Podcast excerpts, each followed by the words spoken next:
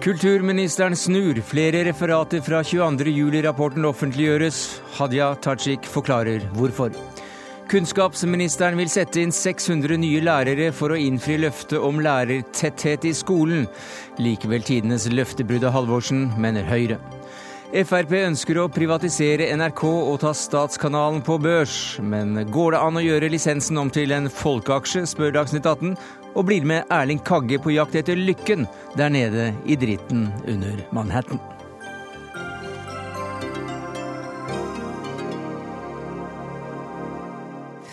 Ja, Det er noen av sakene i Dagsnytt 18 denne fredagen, der vi også tar tempen på Europas økonomi etter at Frankrike fikk et rekordstramt budsjett i dag. Men vi starter med ettermiddagens eh, store nyhet her hjemme, nemlig at kulturministeren allikevel vil offentliggjøre byråkrattoppenes forklaringer til 22. juli-kommisjonen. Og Hadia Tajik, hva er det som skal offentliggjøres? Du, jeg har hele tiden vært tydelig på at eh, Stortingets kontroll- og konstitusjonskomité har en veldig viktig funksjon. Eh, og vært tydelig på at eh, de skal få alt de ber om. Og at jeg gjerne vil tilby dem alle referater, alle intervjuer, usladda, sånn at de har de beste forutsetninger for å ja, gjøre sin jobb. Så ser jeg at de skriver i et brev til meg i dag at de i tillegg gjerne vil at ledende embetsmenn sine forklaringer skal bli offentliggjort for den breie offentligheten. Eh, og det er da et ønske som jeg etterkommer. Så må jeg ha kontakt med Stortinget på, på hvordan eh, de ønsker at ledende embetsmenn skal bli forstått. Og når vi har etablert det, så vil de få, de vil få den informasjonen som de ber om. Ja, De får den informasjonen som de ber om. Men det var dette i pressemeldingen der du skriver at dere skal legge til rette for at referater fra ledende embetsmenn skal offentliggjøres? Hva betyr det å legge til rette for her? Det betyr, som kontroll- og konstitusjonskomiteen sjøl òg skriver i sitt brev at de, de, gir uttrykk for at de forstår at enkeltopplysninger må sladdes, fordi det er taushetsbelagt. Det er typisk eh, rikets sikkerhet. Mm. Og når det er gjort, så vil eh, disse referatene fra ledende embetsmenn kunne bli offentliggjort. Som Killingren, politidirektøren, PST-sjefen. Vi må ha kontakt med Stortinget for å klarlegge hvordan de ønsker at ledende embetsmenn skal bli definert. Og det er viktig for meg at, ja, at Stortingets ønske blir etterkommet, sånn at de har de beste forutsetninger for å utøve sin kontrollfunksjon. Og jeg vil gjerne tilby dem enda mer enn det de ber om, for det de ber om er jo at man sladder intervjuene til de ledende embetsmennene og offentliggjør de bredt. Det skal jeg gjøre. Men jeg vil gjerne tilby kontroll- og konstitusjonskomiteen alt sammen alle intervjuene, mer enn 100 intervjuer, alt sammen, rubbel og bit, uten sladd, sånn at de har de aller beste forutsetninger for å stille kvalifisert kritiske spørsmål. Det er da til, eh, til Stortingets kontrollkomité? Helt riktig. Ja, og de skal ikke nødvendigvis offentliggjøres? Altså, Det Stortinget ber om, er at det er de ledende embetsmennenes mm. som skal bli offentliggjort, og det vil bli etterkommet. Eh, men eh, jeg vil jo tro at de for å kunne gjøre sine vurderinger og stille de kritiske, kvalifisert kritiske spørsmålene, vil ha nytte av å få tilgang på alt sammen. Hva sier du til dette, Per Kristian Foss, medlem av kontroll- og konstitusjonskomiteen for Høyre. Du var jo med på presse helt fra dag én her. Det er bra å snu, og det er bra å snu fort. Det setter jeg pris på. Men det måtte jo bare gå sånn. Fordi alle så, så jo at det, det, er umulig i en sak som denne, som kanskje er den største eh, sak etter krigen hva gjelder drap og terrorisme, eh, at man i en sånn sak skulle prøve å holde noe hemmelig. Når statsråder og ledende politikere henviser til embetsverket og nær sagt skylder på andre og sier at de ikke har fått informasjon og sier at det har vært feil andre steder, da må vi kunne ettergå også det. Jeg setter pris på at den har vært åpen, slik vi har bedt om. Vi har ikke bedt om noe som, noen sladding, men vi har bedt om at det gjøres på en måte som kan, at det kan brukes offentlig. Og det gjelder selvfølgelig da eh, ikke opplysninger som vedrører rikets sikkerhet. Det var slik det måtte gå, Tajik? Vel, eh, vi gjorde en overordna prinsipiell vurdering eh, på at det var eh, forskjell på politikere som må stå til rette for det de sier og gjør, og de vurderingene de har gjort, fordi de har en rolle overfor folket. Og at det er en forskjell på det å være politiker og det å være embetsmann. Men det har dere nå gått tilbake på og snudd? Nei, nå blir altså ikke noen, Den vurderingen man gjorde, har man gjort om igjen, og det er bra. Mm. Man burde kanskje tenkt seg om to ganger første gang man gjorde en vurdering. Jeg har vært tydelig... Da hadde man sluppet denne mm. Jeg har vært tydelig på eh, for kontroll- og konstitusjonskomiteen og Stortinget at de må gjerne få tilgang på alt sammen, og det har jeg vært tydelig på hele tiden. Mm. Men, det er, Men jeg... det, er, dette med å offentliggjøre, legge til rette for å offentliggjøre også embetsmennenes uh, uttalelser til kommisjonen, som, som, vi da først og fremst snakker om her. For da du satt her for to dager siden, så gikk du kraftig imot akkurat at det så skulle skje.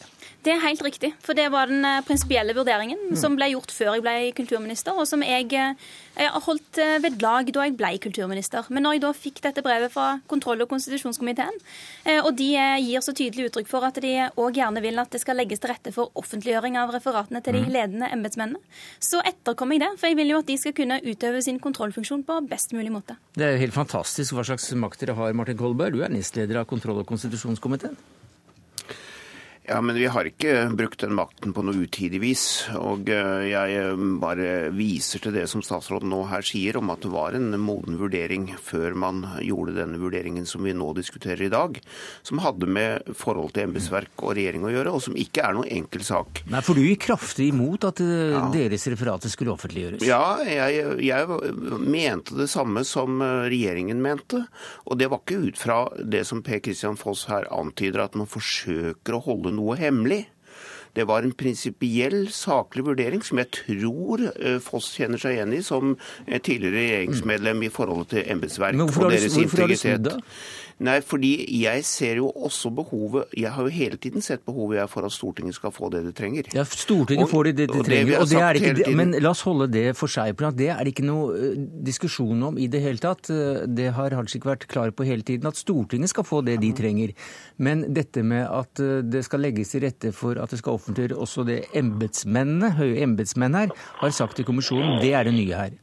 Ja, Det er en del av det nye. Jeg vil si at det er, det er også veldig nytt og riktig at hele Stortingets kontrollkomité enstemmig har i dag sluttet opp om det mm. brevet som er sendt ut, og som er utgangspunktet for regjeringens nå meget fornuftige handling. Men hvorfor har du snudd? Nei, jeg, har, jeg har, snudd, jeg har ikke snudd i denne saken. Jeg, jeg har bare sagt, nei, jeg har sagt hele tiden at det er nødvendig med stor åpenhet. Men så lenge vi hadde et prinsipielt standpunkt om dette, så sa jeg det jeg sa. Og det syns jeg er en hederlig og redelig mm. måte å opptre på. Og nå har du snudd. Hvorfor har du snudd? Fordi at det er nødvendig nå når kontrollkomiteen får alle disse brevene, at de ledende blir også offentlige, slik at alle kan gå inn i dette, alle kan se på dette, og at offentligheten kan diskutere det.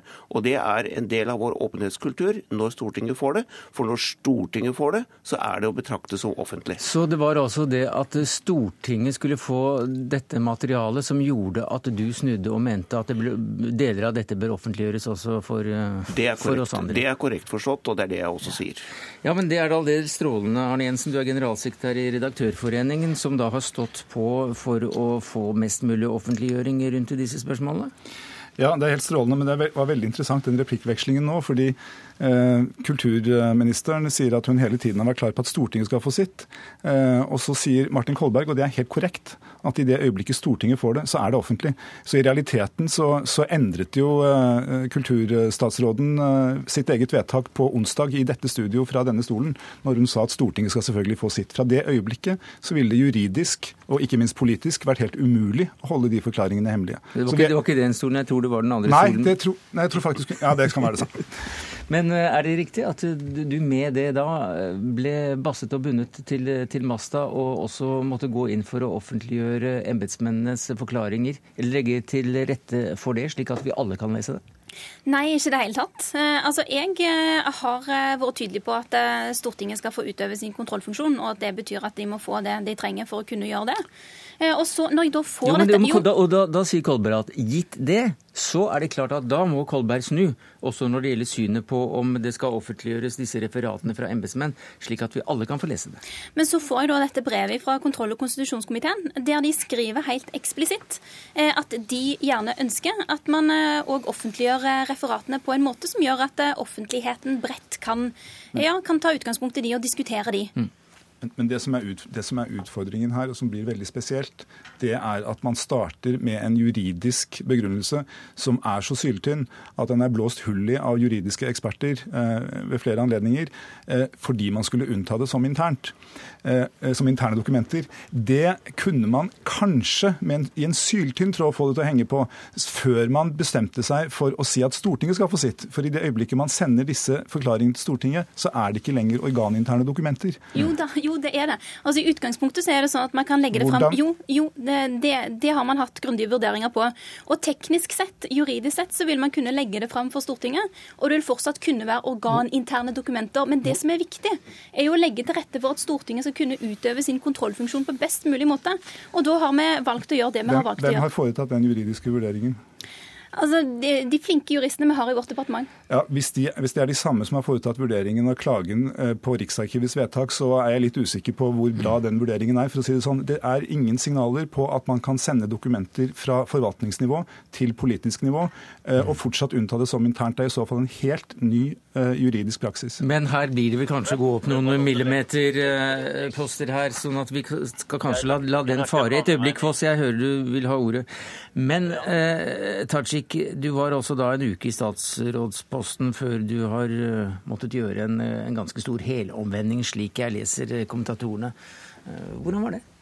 Du, Det er helt sekundært hvordan det er. Det som er viktig er jo... Ja, men Hvordan var det? Vi lurer på det allikevel, om det er sekundært. Vi har tatt det primære nå. Ja, jeg skjønner. Men jeg er nå opptatt av at, at, ting skal bli gjort. At Stortinget skal få det de trenger. Og det er det jeg har prøvd å gjøre i dag. Hva sa statsministeren til dette? Statsministeren er enig i beslutningen. Eh, det var vel så langt vi kom, Foss, eller hva har du å si på din eh, telefonlinje? Nei, jeg vil bare si at massakren krangler om hvem som er snudd. Det er jo åpenbart. Og heldigvis krangler om, om, om, eh, om han har vært tydelig. Den, polit, den juridiske grunnlaget for denne avgjørelsen er helt åpenbart ikke til stede. Det har landets fremste juridiske ekspertise på forvaltningsrett slått fast. Og det som er åpenbart, er jo at det er fornuftig uansett å gjøre en politisk vurdering av dette først å tenke seg om før man begynte å pukke på jussen. Men eh, la nå det være, og la de som har eh, hatt eh, glede av å kjempe denne saken fram, glede seg i dag. Hadia, Hadia Tajik, når er det du kommer til å offentliggjøre dette? Så fort som mulig.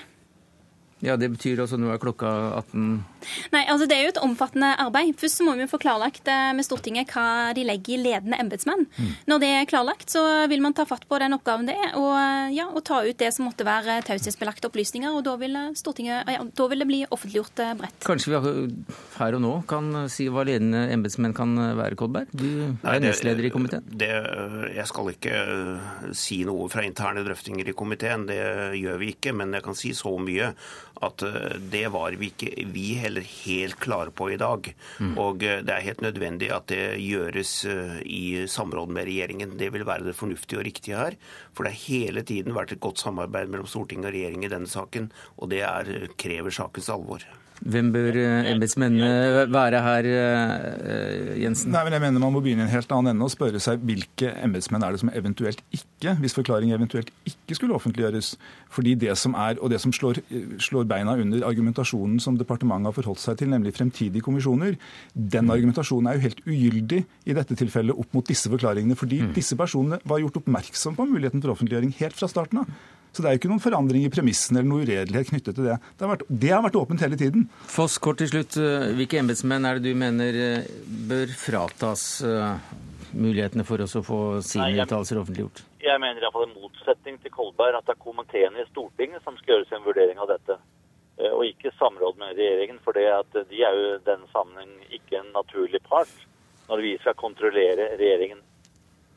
Det er også mulig at eh, vi kan eh, ta opp eh, tråden igjen en annen gang. Enn så lenge, kulturminister Hadia Tajik, du skulle ha vært på en, en filmpremiere. Vi er veldig glad for at du valgte å komme inn på denne grønne løperen som vi har her, uten at det var noe høye stett til stede. Takk skal du ha, Arne Jensen, assisterende generalsekretær i Redaktørforeningen, Martin Kolberg, nestleder medlem og medlem av kontroll- og konstitusjonskomiteen for Arbeiderpartiet, Per Christian Foss, medlem av kontroll- og konstitusjonskomiteen for Høyre.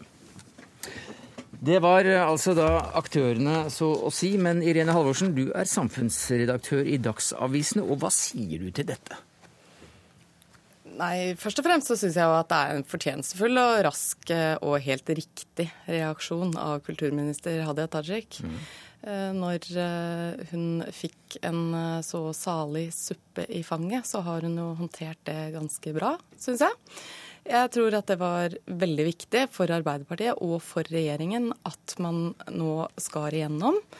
Eh, fordi eh, det begynte Jeg sier ikke at det er sånn, men det begynte å avtegne seg et bilde av en regjering som virket som om den ikke ville at offentligheten skulle få vite helt hva som faktisk gjorde at 22.07 ble så nattsvart som det ble. Og jeg tror at bak alle denne juridiske spillfekteriet, så er det viktig å huske på hva dette dreier seg om. Det dreier seg om hvordan vi endte opp der. At så mange mennesker eh, måtte dø fordi én person hadde bestemt seg for å sprenge en bombe og reise ut på et dødelig tokt. Men hva har da skjedd siden eh, onsdag? Nei, Alle detaljene i hva som har skjedd siden onsdag, det vet ikke jeg. Men, noen... Men uh, noe av det som har skjedd, er jo helt åpenbart at flere sentrale politikere i regjeringsapparatet har snakket sammen om den problematiske situasjonen som begynte å oppstå da når toppembetsmennene selv ønsket uh, sine forklaringer offentliggjort, mens regjeringen holdt det tilbake. Eh, så ble det jo tydeligere og tydeligere etter hvert som dagene gikk, at det var eh, klare forskjeller i forklaringene til viktige, sentrale toppembetsmenn og sentrale politikere, deriblant eh, eksjustisminister Knut Storberget og sittende mm. statsråd Rigmor Aasrud. Og det er en uenighet som vi ikke kan leve med å få avklart hvorfor den eksisterer. Eh, og hvis regjeringen ikke hadde gitt innsyn i dette, så ville de også risikere at eh, diskusjonen knyttet til påstander om hemmelighold og at de prøver å beskytte seg sjøl, ville fortsatt å rulle og gå i uker og måneder. Eh, så det tror jeg var veldig, veldig viktig, rett og slett. Suppe i fanget var et bilde du, du brukte om det som kulturministeren da fikk å jobbe med fra, fra dag én her. Nå har hun altså da uh, ryddet det for så vidt unna, og du, uh, du, gir honnør for den måten hun har gjort det på. Men uh, er hun allerede svekket? Nei, det kan jeg ikke se i det hele tatt. Det er helt åpenbart ikke hennes, uh, hennes uh, feil at dette endte slik. Uh, det mener jeg også blir et litt sånn feil fokus. Det sitter jo andre mennesker som har sittet med makten nå i lang, lang tid, som har et ansvar ikke bare for om dette skulle offentliggjøres eller ikke, men mm. hvorfor ting har gått som det har gått. Jeg tror det blir litt rart å styre blikket i den retningen. Takk skal du ha, Irene Halvorsen, samfunnsredaktør i Dagsavisen.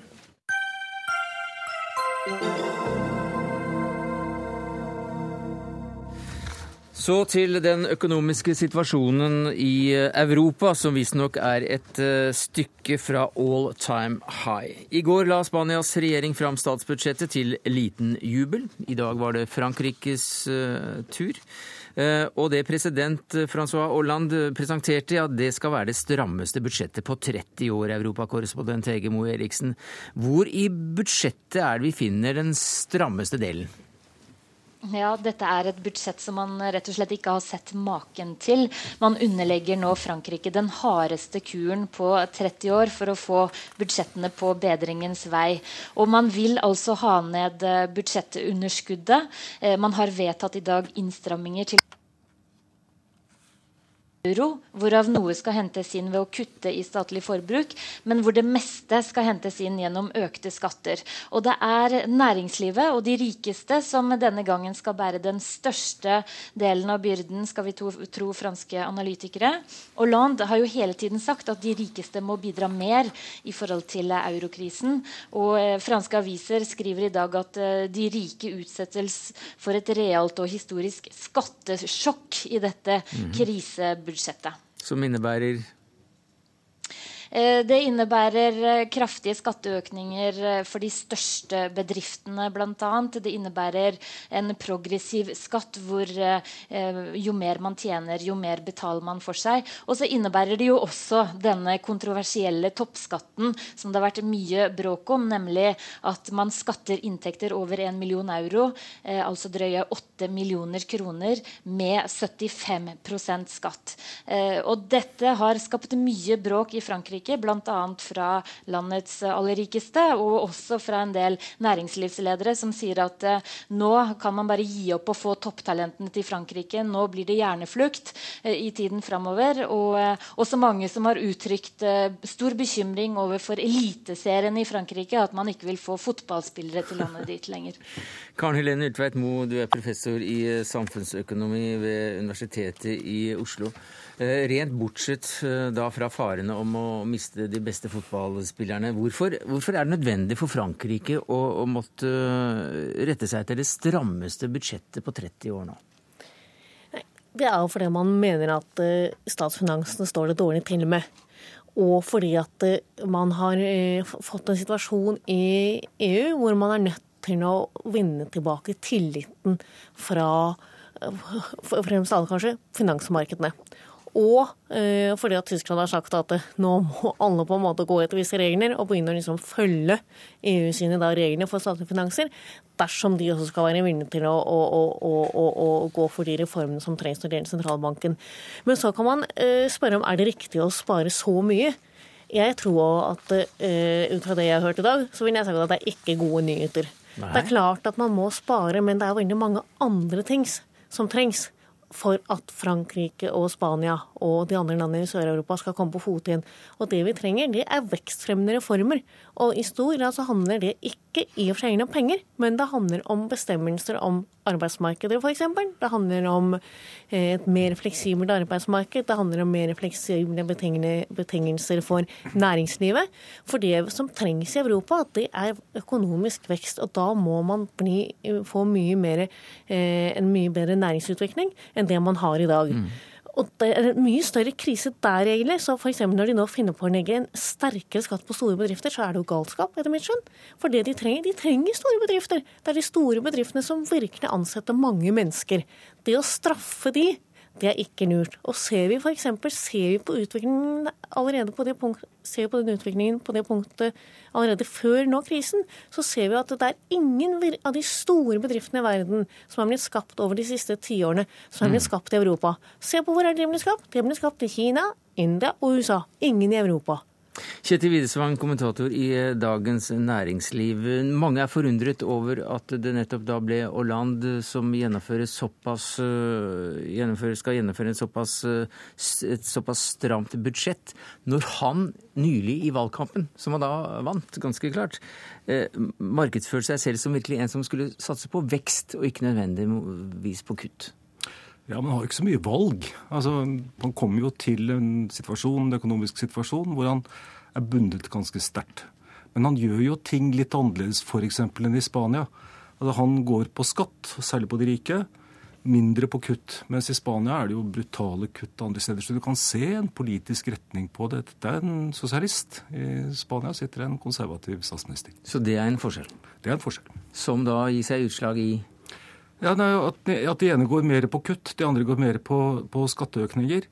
Eh, det er også selvfølgelig land i to veldig forskjellige situasjoner, så Spania har ikke så mye valg. Men det er klart det er en retning, og det er en grunn til at eh, David Cameron, den engelske statsministeren, ønsker nå velkommen alle skatteflyktningene fra Frankrike. De skal rulle ut den røde løperen og sørge for at de skaper bedrifter i Storbritannia som de kan betale for deres helsevesen og skoler.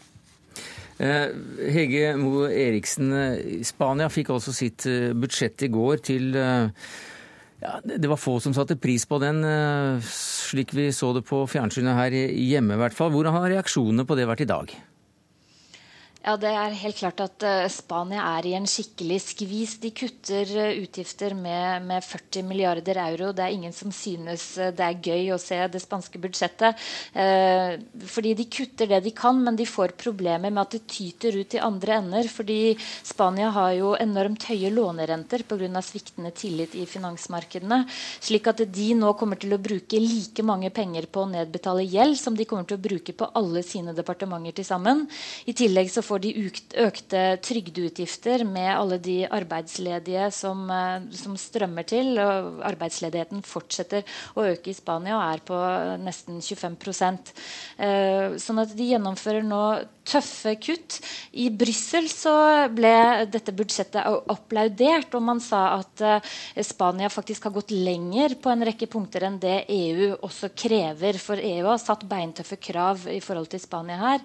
Blant annet så har uh, statsminister Ahoy uh, lovet at han i løpet av de neste månedene vil gjennomføre 43 nye lover som dreier seg om store reformer på en rekke samfunnsområder i Spania. Det dreier seg om liberalisering på en rekke områder som telekombransjen, energibransjen, og som det også dreier seg om en uh, liberalisering av arbeidsmarkedet. Mm. Slik at applaus fra Brussel, men ingen tvil om at uh, Spania går en tøff tid i vente. Og mange økonomer er også veldig skeptiske til om man klarer å innfri de tøffe målene som man nå setter seg. Rett og slett fordi at uh, å få ned et budsjettunderskudd kan være vanskelig nok i gode tider, og nå er det dårlige tider, og da mm. blir det veldig tøft. Arnt Stefansen, NRK utenriksmedarbeider. Du har nylig vært i Spania. Hvordan merker man krisen i Spania? Ja, Det er jo det litt rare. Altså Hvis man ser på tallene. 25% arbeidsledighet, 50 ungdomsarbeidsledighet. Mm. Det skulle jo da tilsi ut fra normal tenking at hvis man går ut på gata, så vil man se denne krisa. Altså suppekjøkken, tiggere, et veldig brutalt eh, møte med det spanske samfunnet. Men det ser man ikke. Man ser fortsatt eh, dyre biler. Eh, folk handler dyre ting i butikkene. Det er mange eh, ting som, som for så vidt minner om et normalt samfunn. Og forklaringen på det er nok at på en måte protestene kommer før, før vedtakene blir realisert.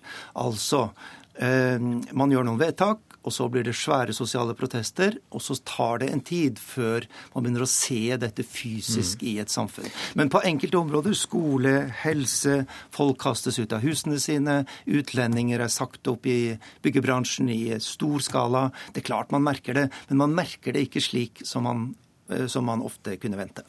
Nei, for du, du kjenner dette landet svært godt. og og hva skal da til? Hvor stramt må det bli? Hvor eh, elendig må finansene være, og at folk merker det virkelig før, før den store sosiale uroen som alle frykter, setter inn? Ja, det er jo et veldig vanskelig spørsmål. Sosial uro har det jo vært eh, i, i flere år. Du har jo hatt denne indignados, altså de indignertes bevegelse, som har satt en skala for den type protester over hele verden. Blant annet uh, protesten i New York er jo en kopi av det som har skjedd i Spania. Så protestene har vært der. Men altså hvor ille det kan bli, det er veldig vanskelig å forestille seg. For man har egentlig ingenting å sammenligne med. Spania har vært et land i oppgang i 30 eh, år. Men det er det altså ikke lenger. Og du pleier jo da også å si at man kan spare seg til, eh, til fant. Og du var redd da for at eh, også Frankrike kan gjøre det. Men hva med Spania, da? Jeg er ikke så redd for at de skal spare seg til fant. Det jeg er opptatt av, er at det enkelte Altså dette tallet, hvor stort underskuddet er, hvor stor gjelden er for det er som sådan ikke så vesentlig. Det er vesentlig, men ikke så vesentlig. Den ene biten av det er at det, som, det ene som er viktig her, er hvordan er de bruker pengene innenfor de rammene de har. Hva er de prioriterer? Og i stor grad så har vi jo følelsen at innimellom prioriterer veldig feil. Mm. Og det vi, vet vi jo fortsatt i dag lite om. Den type detaljer har vi ikke fått ut. Så det er viktig, og det er, det er veldig for, det er der, der vi, Når vi ser hvordan de prioriterer, da vet vi virkelig noe om hvordan det vil se ut fremover. Om de, gjør det som, om de prioriterer det som skaper vekst, eller om de prioriterer eh, da å ha lav pensjonsalder. Det er det ene. Og det andre er at når jeg sier det med tallene, så er det også fordi at når vi ser rundt oss, så er det jo ikke det at Frankrike og Spania er enestående. Se på USA, se på England. Det er akkurat like dårlig med statsfinansene der omtrent. De har omtrent akkurat like høy gjeld, like store underskudd. Men av en eller annen grunn så er vi ikke så opptatt av det. Og det er fordi at det, vi tror mer at det vil være i stand til å vokse seg ut av krisen. for ting ellers er i bedre orden. Mm. tingene ellers er i bedre orden. Men uansett, denne økonomiske misæren i, eh, i eurolandene eh, i EU, det mener altså du at Norge vil bli en del av innen ganske få år, Kjetil Widesvang. Det skriver du i boka som du kom ut med på 40-årsdagen for EF-avstemningen i Norge i 1972. Mm. Det skal vi fortsette å snakke om etter at vi har oppløst eh, denne unionen. Men takk skal dere ha, Hege Moe Eriksen, europakorrespondent, Karen Helene Ultveit Moe, professor, og Arnt Stefansen, NRK utenriksmedarbeider. Takk skal dere ha. For Europaveien EU, krisen og vi andre. Der spår man altså da, eller mann, eh, du Kjetil Widesvang, at Norge blir medlem innen hva er det, ti år? 5-15 år? Ja. Hvordan i all verden kan du påstå Det er første gang jeg hører noen si noe sånt. jo, jeg vi si at akkurat i dag, hvor på den ene siden eh, Eller vi har vel de høyeste motstandstallene mot norsk EU-medlemskap noen gang. Men, det, er én av fem som nå støtter en av fem. Mm, ja, medlemskap. Jo, nei, det forutsetter jo to ting, da. Det forutsetter på den ene siden at uh, norske uh, ting forandres i Norge. For det, andre, for det andre at ting forandres i EU. Først og fremst EU. EU må ut av den krisen der inne nå. Det må bli et mer attraktivt sted å være. Det er sannsynlig. På andre siden, uh, den situasjonen vi er i Norge, som er en helt eksepsjonelt økonomisk situasjon, det er en boom. Ingen boom har vart evig tidligere. Så sjansen for at vi får en mer normalisering er stor. Det går bedre i EU etter hvert, og dårlig i Norge, og dermed altså, så nærmer vi hverandre. Ja, altså mm. EU øh, har vært gjennom veldig mange kriser før, og historisk så har de en tendens til å gå over. Det står veldig mye på spill. Det er også et apparat i EU som det vil bety for mye om, øh, om går, går, ned, går nedenom. Dessuten så har de, som Kanel Utvertmo sa, Europa har en del underliggende fordeler. Og det står ikke så godt til andre steder heller. Altså på eh, det er et høyt utdanningsnivå relativt sett, høy produktivitet i store deler av det. Jeg dominerer den listen til World Economic Forum over verdens mest produktive nasjoner. Og så har du en doktoravhandling som kom i fjor, som har regnet på demokratier og diktaturer og økonomisk vekst. 150 land gjennom 180 år. Og som konkluderer med at uh, demokratier tar og uh, vokser 1-1,5 prosent raskere enn diktaturer. Det burde du fortalt Kinas ledere. Ja, det burde han nok vite. men, altså, så det, Norge, det, tar, tar tid. Ja. Norge har også sagt nei to ganger. Ja. Uh, men du trekker også inn demografien. Altså, ja, altså ja, igjen det, det er vel regjeringens regjerings europautredere som regner på det. En sånn veldig sammenheng mellom 1 ledighet i Norge opp tilsvarer 7 uh, høyere oppslutning om norsk EU-medlemskap. Mm. Så det skal ikke så mye mer til enn et uh, litt kraftig oljeprisfall, og så, så, skjer det noe etter hvert. Men også det at vi blir flere? Ja, og så kommer neste steg. Hvis du da får en ny folkeavstemning om 10-15 år, så hvis du ser, og har en normalsituasjon Hvis du ser på de to siste, så er det veldig sterk sammenheng mellom befolkningstetthet og hvordan man stemmer, ja eller nei. Ja. Om 10-15 år er vi ifølge Statistisk sentralbyrå en million mennesker til i Norge, og de kommer ikke til å bo på landet. Så. Nei, nettopp. Så det det at de blir én million uh, flere? Så Sist så stemte 70% i Bærum, ja. Mens 91, nei, 92 vel i Bø i Vesterålen stemte, stemte, nei. Altså, Det er veldig, klar, veldig klare sammenhenger der. Så det, det, dette forandrer seg. Eh, akkurat nå virker det som om politikerne av en eller annen grunn ikke er så veldig interessert i en ny folkeavstemning. Eh. Nei. Akkurat nå så ser det vel faktisk ut til å tippe den andre veien. LO ligger jo nå an til på Kongressen å få et vedtak om å komme oss ut av EØS, i hvert fall reforhandle EØS. Det er særdeles lite realistisk, men det er jo interessant at du får debatten. Altså litt motstrøms Kjetil Widesvang. Europaveien, EU, krisen og vi andre. Takk skal du ha.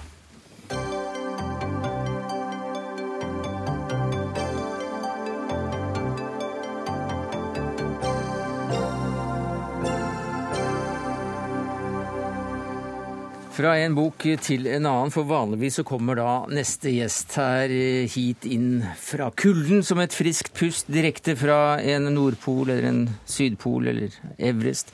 Entusiastisk om endeløse vidder og svimlende høyder. Men nå, Erling Kagge. Er det med da med en eim av fordøyd mat, motstrøm, motstrøms og med brukte tamponger og kondomer duppende i sildrende dritt rundt vadebuksene som du da har gjennomlevd? Hva i all verden slags påfunn er det å tråle New York på kryss og tvers nede i kloakken? Det var en drøm jeg hadde i flere år. Nesten en sånn forelskelse. fikk, Den ble aldri borte. og det å en venn av meg dro under bakken en del ganger for å finne mentalt syke mennesker og hjelpe dem opp for å få behandling. Ja. For det bor jo mennesker under bakken i New York som de fleste andre byer. Og så slo det meg at en dag skal jeg krysse byen helt fra nord, eh, gjennom hele byen, over og under bakken, ut til Atlanterhavet. Så Bronx, Manhattan, Brooklyn og Queens. Um, og det ble en realitet, da. Og det er klart at det er en måte å utforske New York på. Eh, man tenker at Google har kartlagt hele verden og bildelagt alt sammen, men eh, heldigvis så er det store hvite flekker igjen på kartet, bl.a. Eh, under New York. Men det var jo også en reise inn i meg selv. da. Og utforske meg selv. og Det å lide litt underveis, ydmyke seg selv underveis, men også store mm. gleder underveis, gjør at jeg følte jeg kunne da skrive en interessant bok om det etterpå. Du, det, er en, det er blitt en bok også med selverkjennelse som du vel hadde før, at det lønner seg å forberede seg ganske godt. De tidligere bøkene dine er jo fulle av hvor viktige forberedelser er. Og så skriver du her at eh, du da du måtte Var det krabbehjemmet? Var det 40 cm? Den kanalen ja, var høy? Ja, i Sovhov. Ja. Der, eh, der, ble det veldig lavt. ja, og da fant du ut at uh, hanskene du hadde valgt, de var jammen ikke vanntette? Nei, det gikk jo bra det òg, men eh, det er klart at skal jeg gjort det en gang til, og det har jeg ikke tenkt å gjøre, så ville jeg hatt med vanntette hansker i kloakkene. Ja. Eh, du møtte en, en rotte der, og det har du da også beskrevet? Ja. Takk. En brun rotte sto litt oppe på kanten og tittet på meg. Jeg så inn i to nysgjerrige øyne. Den blunket ikke, og jeg undret meg over hva den tenkte. Der nede i kloakkrøret, sammen med rotta, så jeg meg selv som på avstand. Rotta pilte av gårde. Jeg speidet innover i tunnelen. Hva skjulte seg lenger fremme? Vi hadde vært underveis i snaut fire døgn, og for første gang spurte jeg meg selv hva gjør jeg her? Ja, det måtte gå fire døgn før du spurte. Andre hadde jo spurt det for lenge siden før de hadde begynt. Men hva var svaret, da? Svaret er at når det ligger da helt flatt i en, eh, med 40 cm klaring, altså i en kloaktunnel, så det er ikke noe sted for å dvele. Eh, du må rett og slett bare komme deg videre. Mm. Eh, det er ikke veldig farlig, men det kan jo bli flom, og det er giftgasser og sånt noe der. Så, så jeg krabbet rett og slett videre. Jeg ga på å finne noe svar der og da. Men etter hvert, når jeg tenkte over det underveis, så så begynte jeg å finne litt flere, flere, svar på det. Og også bare den kontrasten da, altså komme opp eller gå ned i kloakkene Soho. Da forlater du julestria i New York med brød og sirkus, og folk spiser og drikker og shopper. Og selvfølgelig går på do og kaster ting i søpla. Og så en time etterpå så er du under bakken og rett og slett opplever liksom hele sivilisasjonens kretsløp da i løpet av noen timer. Eh, og i mørke, eh, dritt, dårlig lukt og liksom oppleve hvor det blir av alt sammen eh, av det som skjedde oppe over bakken. Eh, vi treffer også folk som bor der, og traff en eh, kvinne som heter Brooklyn, som vi arrangerte 50-årsdag for nedi en togtunnel. Hun virker på hun har bodd der siden 82. Hun virker på en måte lykkeligere, lykkeligere enn veldig mange av de menneskene vi mm. traff over bakken. Jeg har ikke noe behov for å romantisere over hennes liv, men jeg spurte da hvordan det kunne ha seg at hun fremsto som lykkeligere. Og jeg traff henne en gang tidligere i samme tunnel. Og da svarte hun sånn på rappen at jeg setter pris på det jeg har. Uh, og da har hun på en måte intuitivt da skjønt liksom en av liksom de store hemmelighetene i livet, hvordan man kan være fornøyd over tid. Ja, for du, for du uh, bruker ordet lykke. Du jakter litt på lykken ja. gjennom denne mm. boka her. Og du har drevet med komparativ lykkeforskning mm. uh, og spurt folk hvor lykkelig de er fra én til ti, og så får du alltid svaret sju. Nesten uansett om du er nede i kloakken eller om du er i palass. Ja. Men blir du lykkeligere av å se dette kretsløpet og føle dette kretsløpet for kroppen? Sånn? Ja, jeg tenker som så at jeg er typisk 7-7 eh, pluss opp til 8 som de fleste nordmenn. Ehm, og Noen ganger går det ned til fem, men andre ganger så går det veldig bra. Kom du opp til åtte gjennom den turen? Ja, helt klart. Altså, kanskje opp til ni også. Ehm, men det handler, liksom, det handler litt om beherskelse. liksom sånn Klare mestring, få til ting. og Forfølge en drøm, nå en form for et mm. mål. Få en litt dypere erkjennelse om liksom, hva mitt eget liv og også veldig mange andres liv handler om. Da blir man litt lykkeligere. Du bruker en 10-15-20-25, tror jeg det vil komme opp i faktisk, filosofer til å holde holde hånda di der nede i mørket. Alt fra Aristoteles og til vel den mindre kjente filosofen Lady Gaga. Men eh, det å oppleve nedenfra at bydeler i New York er forskjellige. Det snakket du litt om eh, i eh, Anne Lindmos eh, show på, lørdag. Også hvordan du kunne merke at du gikk fra, fra overklassen til, til mindre bedrestilte klasser. Ja, Det er veldig interessant at kloakken i New York driver stort sett uten noen pumper. Her i Oslo har vi mye pumper for å få dritten til å gå, men der er det gravitasjonen. Så oppe i Bronx, hvor folk da har langt, langt lavere levestandard enn nede på, i Sovo på Manhattan. Der ikke vi se på dritten at folk ikke hadde noe særlig penger. Altså Det er mye mindre dopapir, mye mindre kostbart søppel. Ting renner veldig mye enklere. Men nede i Soho, hvor det er uh, mye høyere forbruk, der var det Eh, mye dritt, men veldig mye dopapir. Hadde problemer med å renne i det hele tatt. og Det var noe problem i det området at det hadde begynt å hope seg opp med dritt. Men der kaster også iPhone og kostbare ting i dass. Det er ikke noe tvil om at du kan lese en del sosiologi ut av å gå og krype og mm. åle i kloakk. For i fattigere strøk så rant det lettere? Rett og slett. Eh, reiseguruen i et for lengst nedlagt reisemagasinet PT påsto til stadighet at reisen det er bare et prisme for å forstå verden igjen og for å oppnå større erkjennelse over kompliserte sammenhenger. Eh, hva slags sammenhenger fikk du ut av den turen, bortsett fra minsket appetitt? fikk ikke det engang heller, men Jens Risnes ord er veldig viktig og gyldig i dag også. Men det er klart at Eh, lange reiser handler liksom om å dra lenger og lenger, lenger bort. Jeg syns det er interessant å gjøre stikk motsatt og dra rett ned under bakken. Finne den tredje dimensjonen, se meg selv og byen på vranga. Men det å slå meg hver gang jeg drar på tur, er jo at lange reiser handler om å komme hjem igjen. Mm. Må vi i fremtiden skjenke deg en tanke hver gang vi drar i snora, eller er du ferdig med, med kloakken? jeg syns det er veldig sjarmerende tanke hvis du og andre trekker i snora og tenker kanskje at jeg sitter og får i huet. Men hva er ditt neste prosjekt, da? Jeg vet ikke om jeg tør spørre, men eh, er du på vei til Berlin? Berlin kunne være bra, men jeg tror jo at alle mennesker er eh, født oppdagere. Og heldigvis så har jeg den barnlige gleden av å av å stadig vekk å utforske nytt terreng. Nå har du i hvert fall eh, tatt Manhattan-næring, Kagge, forlegger og forfatter av boka 'Under Manhattan en reise i New Yorks indre'. Hør Dagsnytt 18 når du vil, på nettradio eller som podkast. nrk.no – dagsnytt 18. Ja, I dag kom nyheten om at kunnskapsminister Kristin Halvorsen vil ha 600 nye lærere ut i jobb, som et steg mot en nasjonal minstenorm for antall elever per lærer. Eh, slik det da skrevet står i eh, Soria Moria 2 anno 2009, Kristin Halvorsen. Men i stedet for åtgaum og godord, så har du jammen måttet tåle kritikk fra Politisk kvarter i P2 i morges og til nå. Hva er det dette forslaget egentlig går ut på?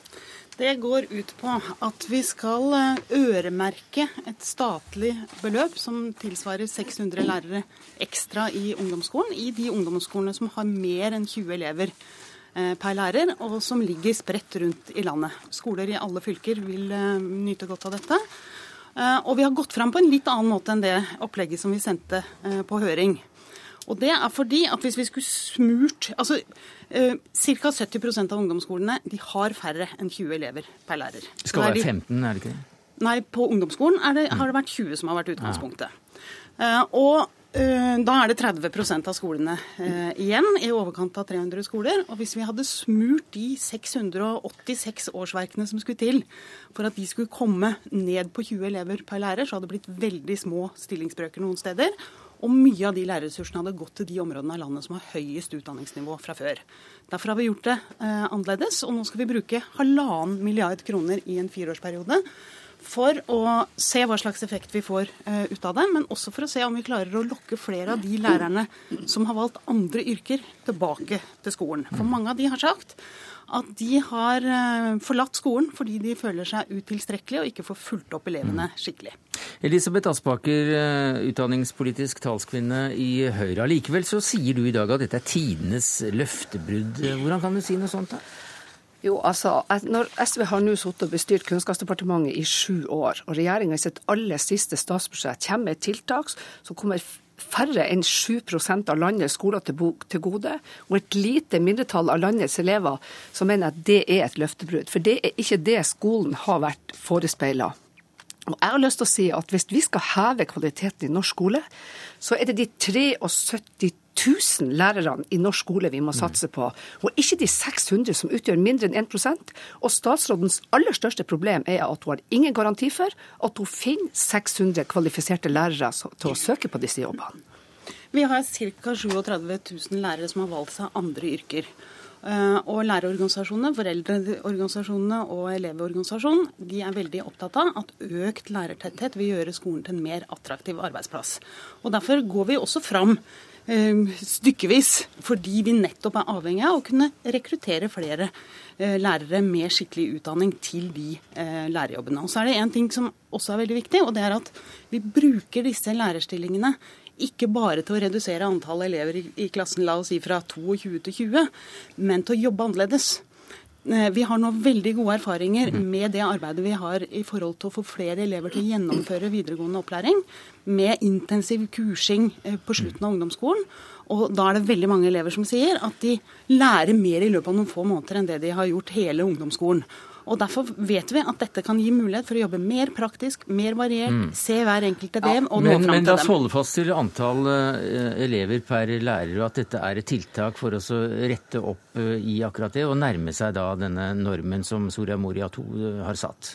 er ikke det greit? Er det et løftebrudd det i seg selv? Nei, Jeg blir ganske vettskremt over en prioritering som gjør altså at 6% av landets skoler og et bitte lite mindretall av landets elever skal nyte godt av 1,5 milliard når vi vet at vi har 73 000 lærere, hvor 70-80 sier at de har behov for et faglig påfyll for å kunne gjøre en bedre jobb i klasserommet. Og alle de elevene og alle de lærerne trenger jo også å kunne være med og gjøre skolen mer praktisk og jobbe sånn som mm. statsråden her nå 6 høres jo ikke veldig mye ut. Men husk på det at på veldig mange skoler er det under 20 elever per lærer. Sånn at de ville uansett ikke nytt godt av en eh, ressursnorm. Det er de skolene... De, utgjør ikke mange, de, veldig mange prosent? Nei, det er de største skolene og de skolene som har flest elever per lærer, som er målgruppa eh, for dette.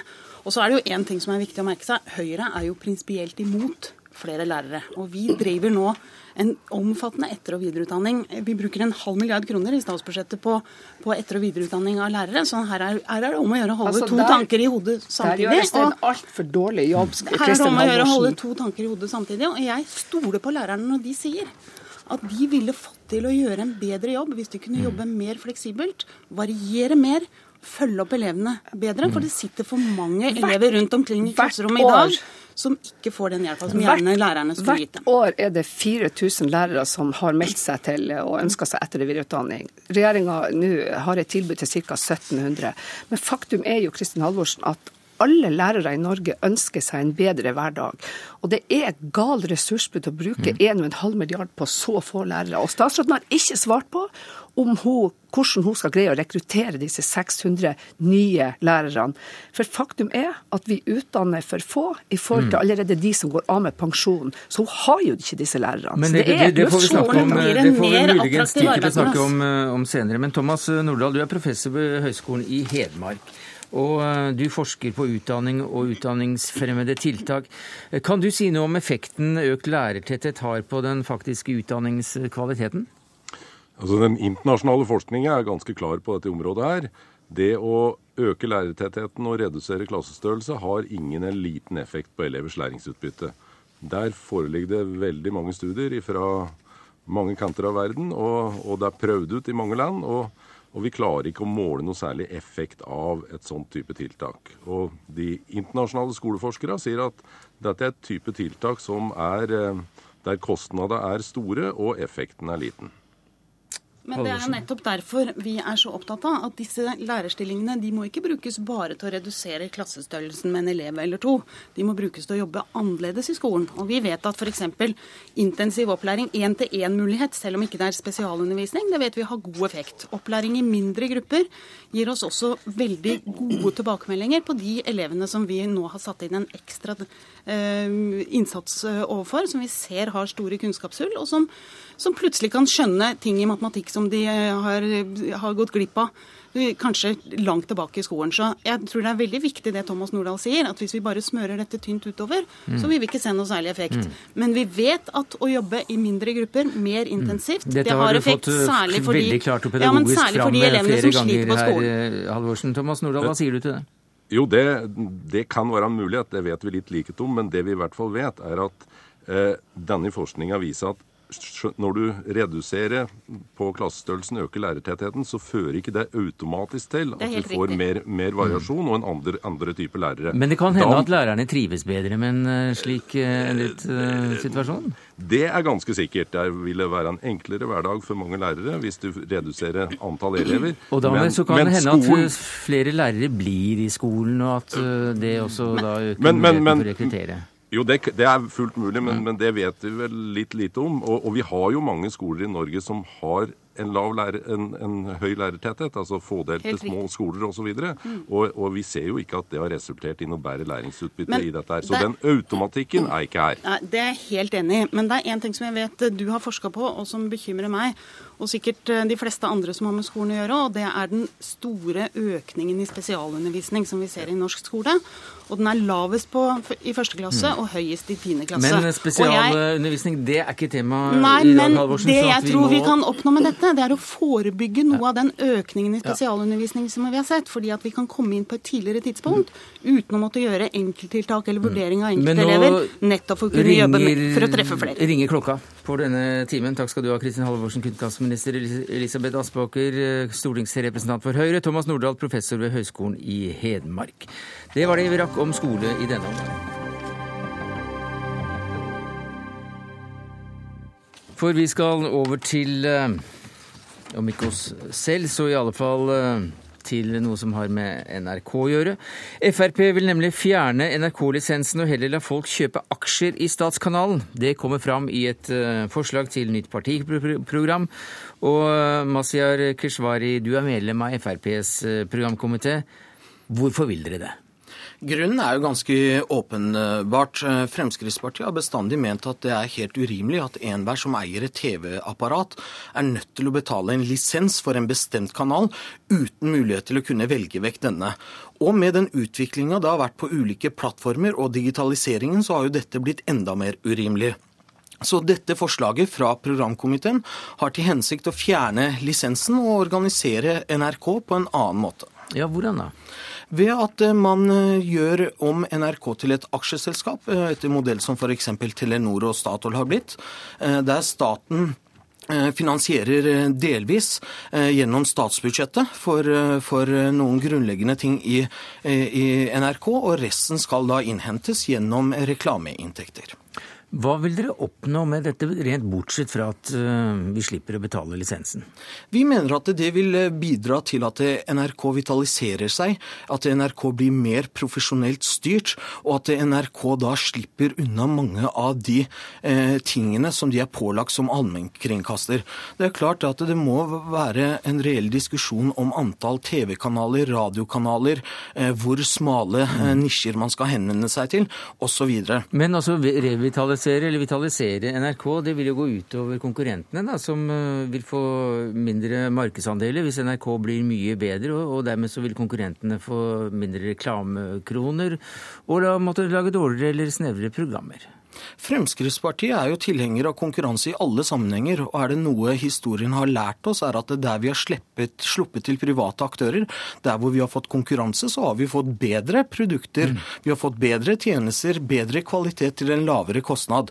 Når vi i sin tid foreslo å oppheve NRK-monopolet, så var det jo mange som var veldig forskrekka over det òg. I dag vil ingen tilbake til eh, dit. Eh, Men dette forslaget er også da spesialdesignet for å vitalisere NRK. og Hva sier du til det, Olemic Thommessen, du er medlem i familie- og kulturkomiteen for Høyre? Jeg tror iallfall ikke det med sparepengene mine som ville komme til å gå til å kjøpe aksjer i NRK. Nei. Um, Nei, altså, Jeg opplever nok at dette er et, en ny innpakning av et gammelt forslag som handler om én ting, og det er at man er lei av kringkastingslisensen.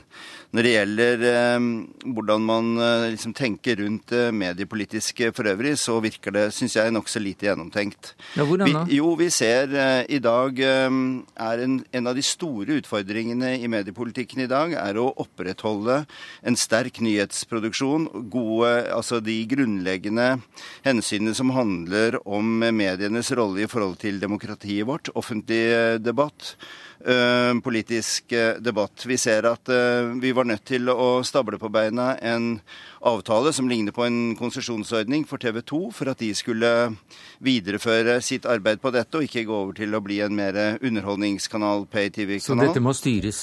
Ja, det må i alle fall. Vi, vi, er jo i en veldig krevende periode innenfor mediene, hvor man legger om til nye medier, nye plattformer. Um, og det er ikke gitt at vi klarer å opprettholde um, et godt uh, publikumstilbud på mediesiden uh, uten ganske klare mm. virkemidler. Og jeg vil nok også si at uh, hvis man tenker gjennom hva det vil si å fjerne allmennkringkastingskravet, som eh, Frp veldig eksplisitt uttrykker her. Altså De mener at man skal fjerne det de kaller for de smale tilbudene. Jeg mener at eh, det må jo bety at de vil fjerne den delen som ikke lønner seg. Mm. Så betyr det et eh, veldig mye fattigere tilbud til publikum. Um, Antagelig er vel TV Norge det man da vil være nærmest å, mm. å sammenligne med. Det er jo en kanal som har rendyrket det som men, er lønnsomt. Men, men det er jo veldig, interessant, det er jo veldig eh, interessant å høre en høyremann argumentere på denne måten. For dersom det eneste hellige er at staten må være inn i bildet for at vi skal ha et mangfold, hvorfor stopper Høyre der? Hva med produksjon av musikk? Hva med drift av kinoer? Hva med andre kulturuttrykk eh, som er i samfunnet vårt? Det, det blir jo veldig underlig. Hvorfor, hvorfor ønsker ønsker Høyre å stoppe akkurat på NRK.